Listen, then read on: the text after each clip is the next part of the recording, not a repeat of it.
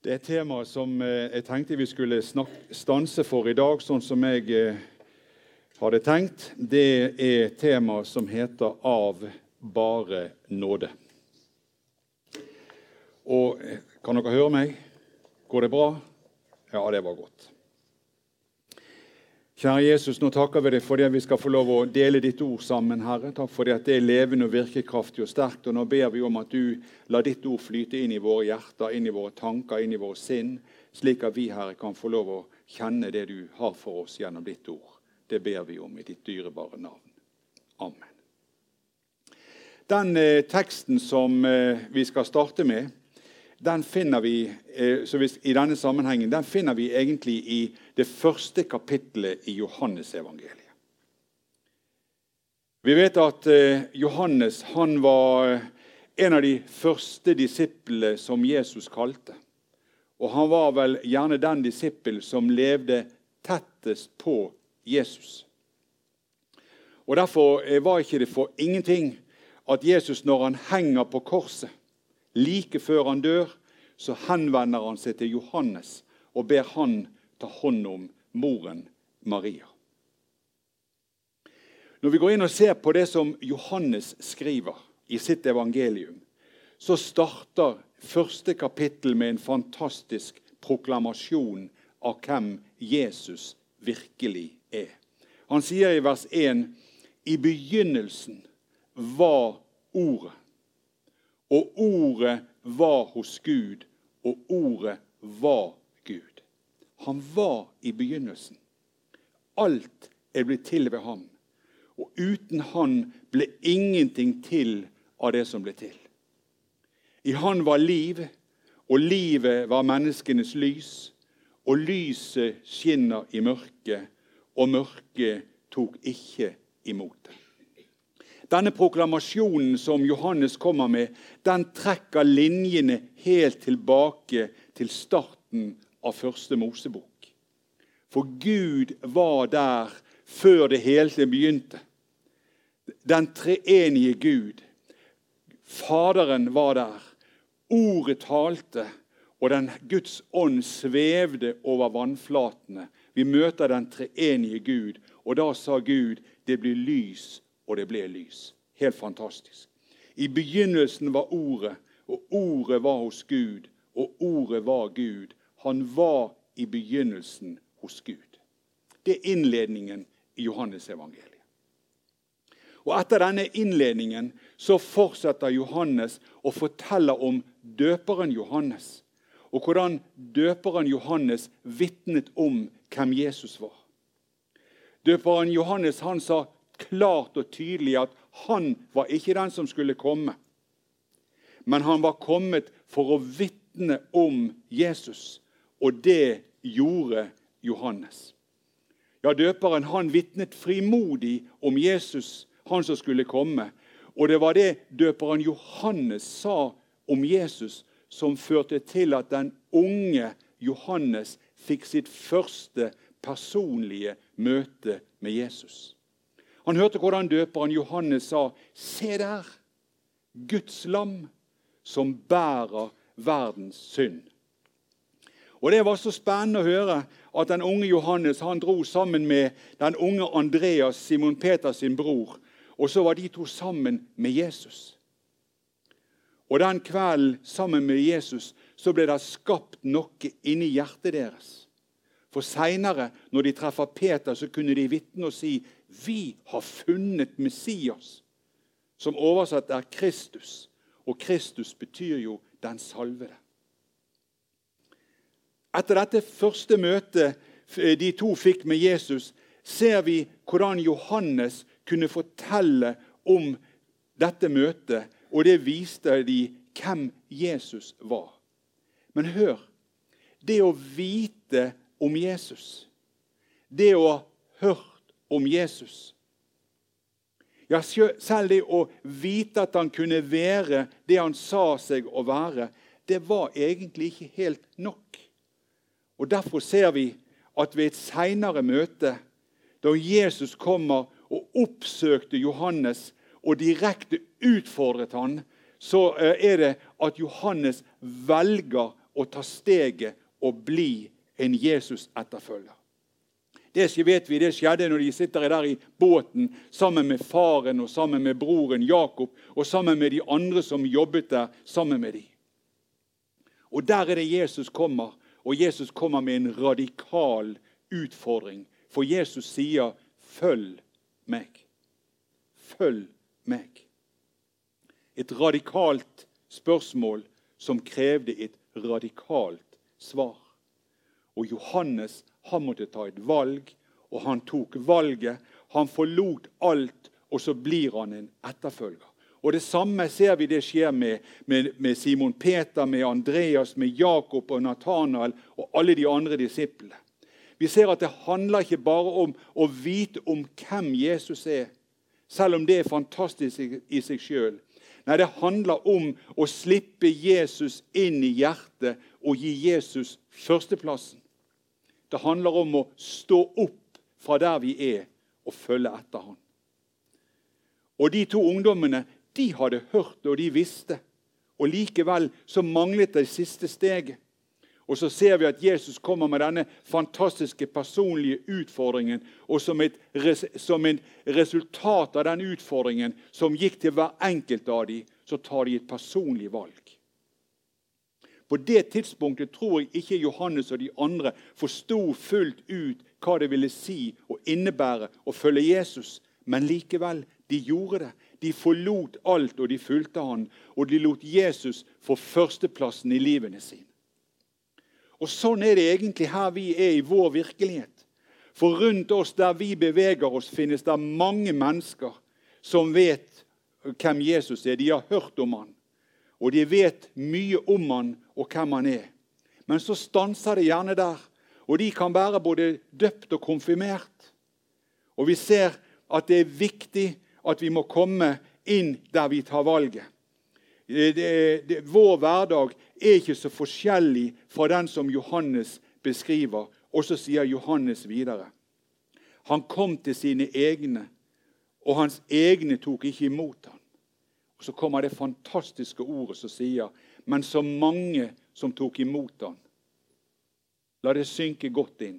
Men så mange som tok imot han, de ga han rett til å bli Guds barn, de som tror på hans navn. ikke det herlig?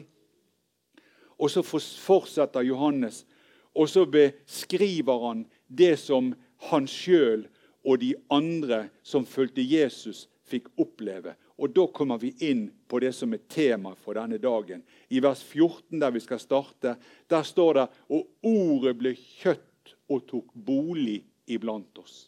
Hva er det Johannes sier? Han vitner om hvordan ordet som er fra evighet av, stiger inn i din og min virkelighet. Gud, Sønn, han blir født inn i verden som et menneske, blir kjøtt og blod. Jesus han kom som et lite barn. Og gjennom dette barnet ble Guds herlighet åpenbart og synlig. Og Når vi tenker den tanken og ser hva det innebærer, da forstår vi òg at det var ikke for ingenting at de himmelske herskarer lovpriste Gud den dagen der på Betlehem når Jesus kom inn i vår virkelighet. Og Så fortsetter vi med versene 16 og 17, og der står det av, av Hans fylde har vi alle fått.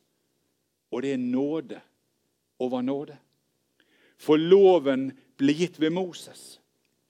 Men nåden og sannheten kom ved Jesus Kristus. Loven ble gitt ved en mellommann, og mannen Moses han ble kalt av Gud og når, Gud, når, Moses møtte Gud, så var han i ødemarken. Gjeteren Moses vet du hva? Han måtte enda ta av seg skoene der han sto. For i møte med Gud var Moses på en måte på bar bakke. Han hadde ingenting med seg i seg sjøl.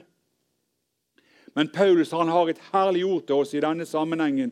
I første eh, kapittel i, Korint, i Korinterbrevet, første kapittel, i de 27. og 29. verset, der står det Men Gud har utvalgt det dåraktige i verden for å gjøre det vise til skamme.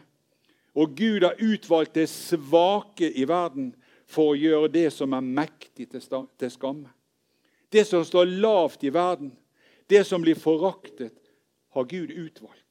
Og det som ikke er noen ting, for å gjøre det som er, det som er noe, til ingenting, for at ingen skapning skal rose seg for Han. Moses han steg inn i Guds nærhet, og der fikk Moses møte den treenige Gud. Gud var der, ordet var der og talte, og ild, Den hellige ånd, var synlig til stede. Moses møtte Gud på hellig grunn i Guds nærhet. Og fra dette punktet av er Moses utrustet i, Guds kraft. Og han kunne gjøre det Gud kalte ham til å gjøre. Moses han trodde Gud og bekjente sin tro på Gud. Og i Guds ledelse så fikk Moses erfare og se hvordan det umulige ble mulig. Guds løfte til Abrahams folk det ble realisert, og folket ble ført ut av Egypt. Og I Sinai møtte Gud folket og ga dem lovens bud, og den gamle pakt ble etablert. Og Når du og jeg tenker på den gamle pakt, så er det budene som stiger frem i vår tanke. Du skal og du skal ikke, du skal og du skal ikke. Men hør, den gamle pakt var fundamentert på Guds nåde. La meg få si det en gang til. Den gamle pakt er fundamentert på Guds nåde. Når Gud kom sitt folk i møte, var det ikke hvem som helst de fikk møte, men de fikk møte en Gud som var full av nåde og full av sannhet. I 2. Mosebok kan vi lese i kapittel 33 at Moses møter Herren. og I det første del av vers 11 kan vi lese Herren talte med Moses ansikt til ansikt som en mann snakker med sin venn. ikke det skjønt? Det er fantastisk å tenke på. Sånn er vår Gud. Han ønsker å leve tett inn på hver enkelt av oss. Han talte til Moses ansikt til ansikt som en mann snakker med en venn.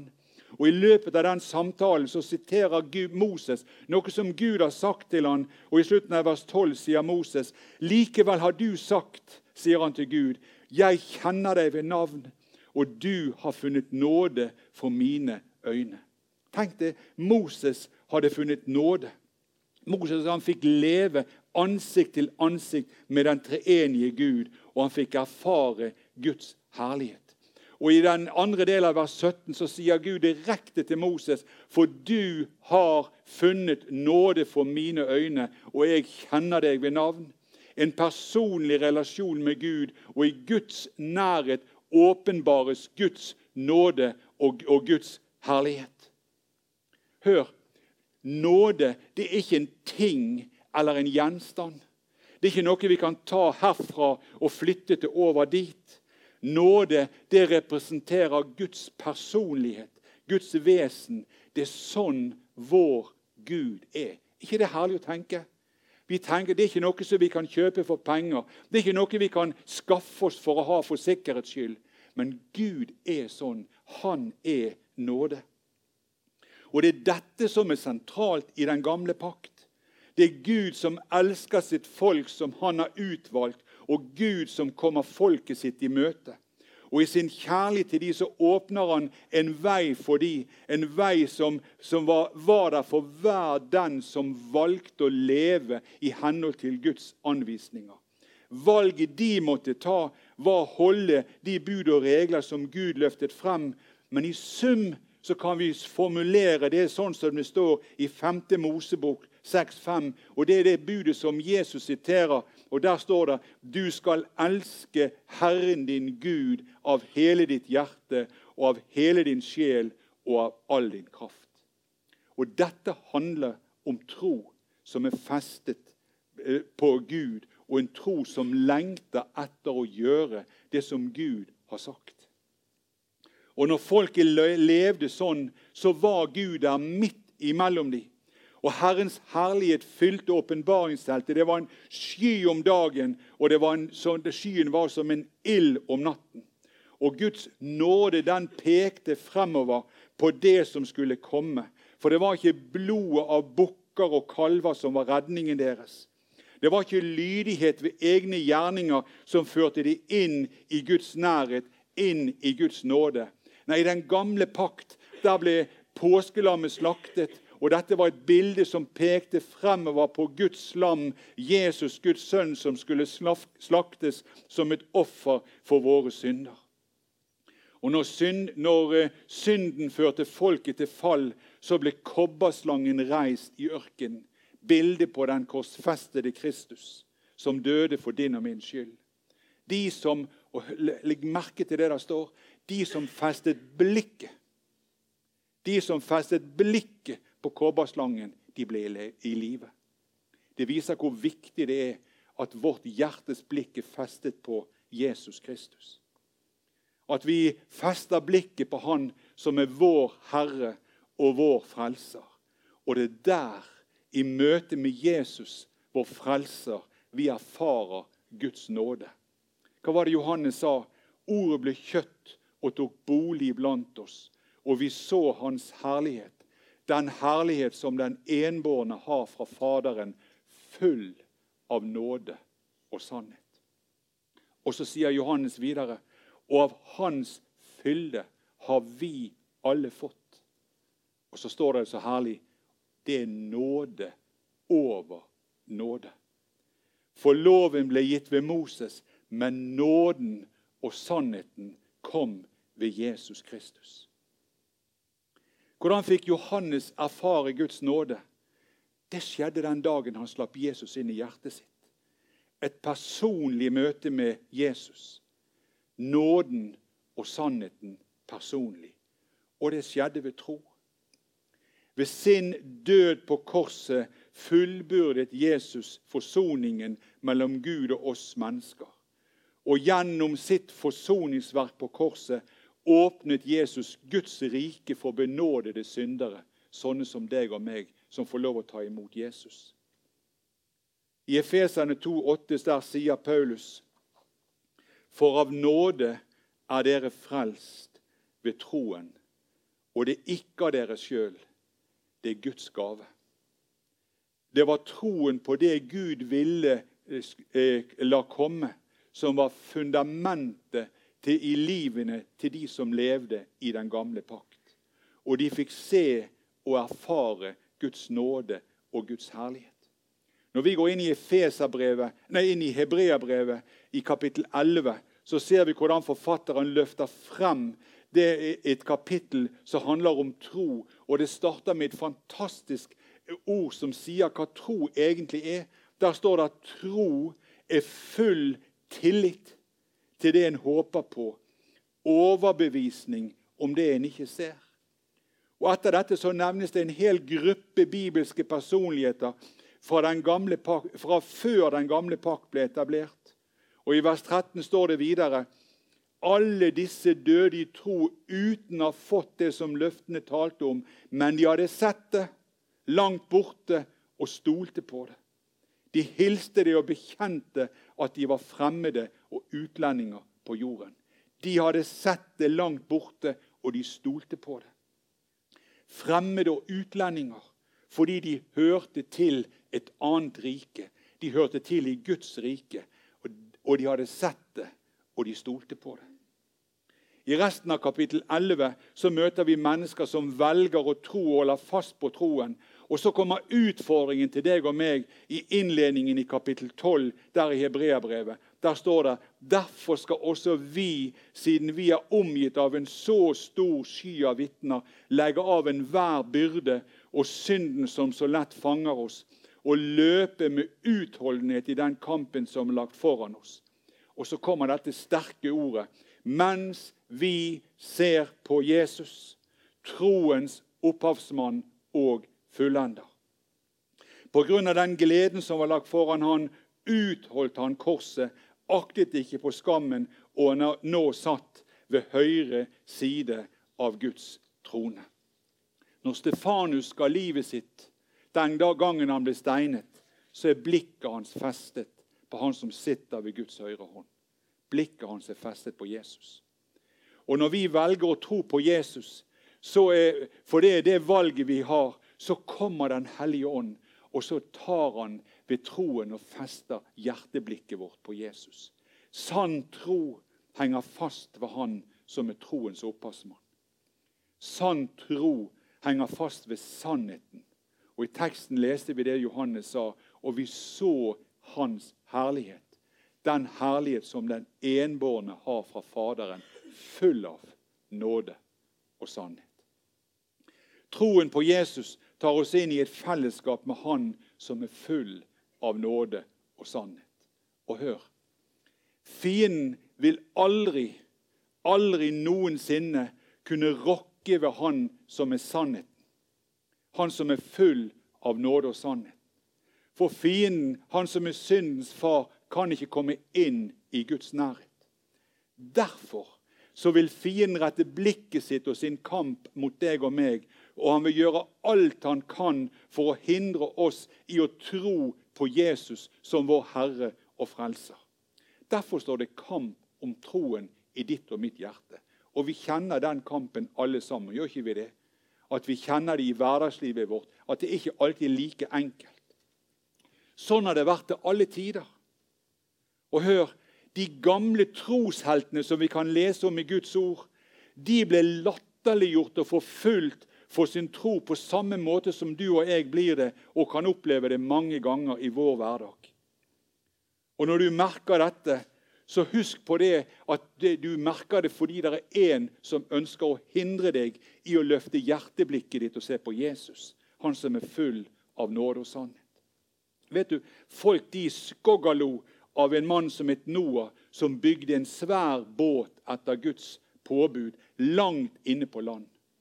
Ikke en liten robåt, men en svær en. Og Det han gjorde, det passet ikke inn i datidens moderne samfunn. Derfor blir han latterliggjort. Og overklassen i Egypt de ristet på hodet av en idiot som Moses, som kunne tillate seg å tro og gjøre de tingene han sa han skulle gjøre. Men vet du, de som bevarte troen, de fikk erfare Guds nåde. Og Vi kan fortsette sånn og bla opp gjennom hele Skriften, og vi ser at det samme gjentar seg. Troen blir gjort til latter, men de som holder blikket fast, de erfarer Guds nåde. Og Det er oppmuntringen til deg og meg. Det handler ikke om hvor gode vi er og hva vi klarer, men la hjerteblikket ditt hvile i Jesus og la den, det han har gjort for deg, få lov å løfte deg tett inn til hans hjerte. Peter eh, han forsvarer troen sin i apostlesgjerninga 4.12, når hele den religiøse eliten i Jerusalem forsøker å, å, å, å i, gå i rette med han. Og så sier han og det er heller ikke frelse i noen annen. For det er ikke noen navn under himmelen gitt blant mennesker som vi kan bli frelst ved. Jesus Kristus, vår Herre. Og av Hans fylde har vi alle fått. Og det er nåde over nåde. Ta det til deg. Du skal få lov å leve i Guds uendelige nåde.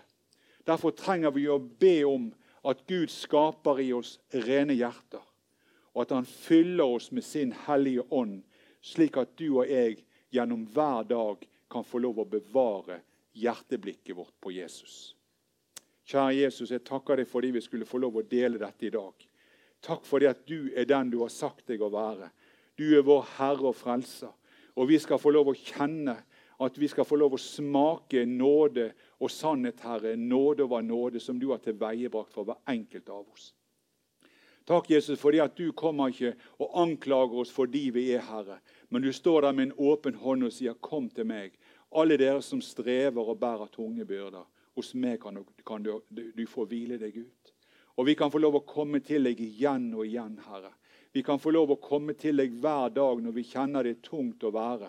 Og så kan vi få kjenne at hos deg er det hvile og tilgivelse og nåde å få. Og jeg ber om at hver enkelt av oss som er her inne, skal få lov å kjenne glede og takknemlighet i hjertet over at vi kan få lov å løfte blikk og se på deg, Herre. Du vår Herre og Frelser du som døde for oss. Takk, Jesus. Amen.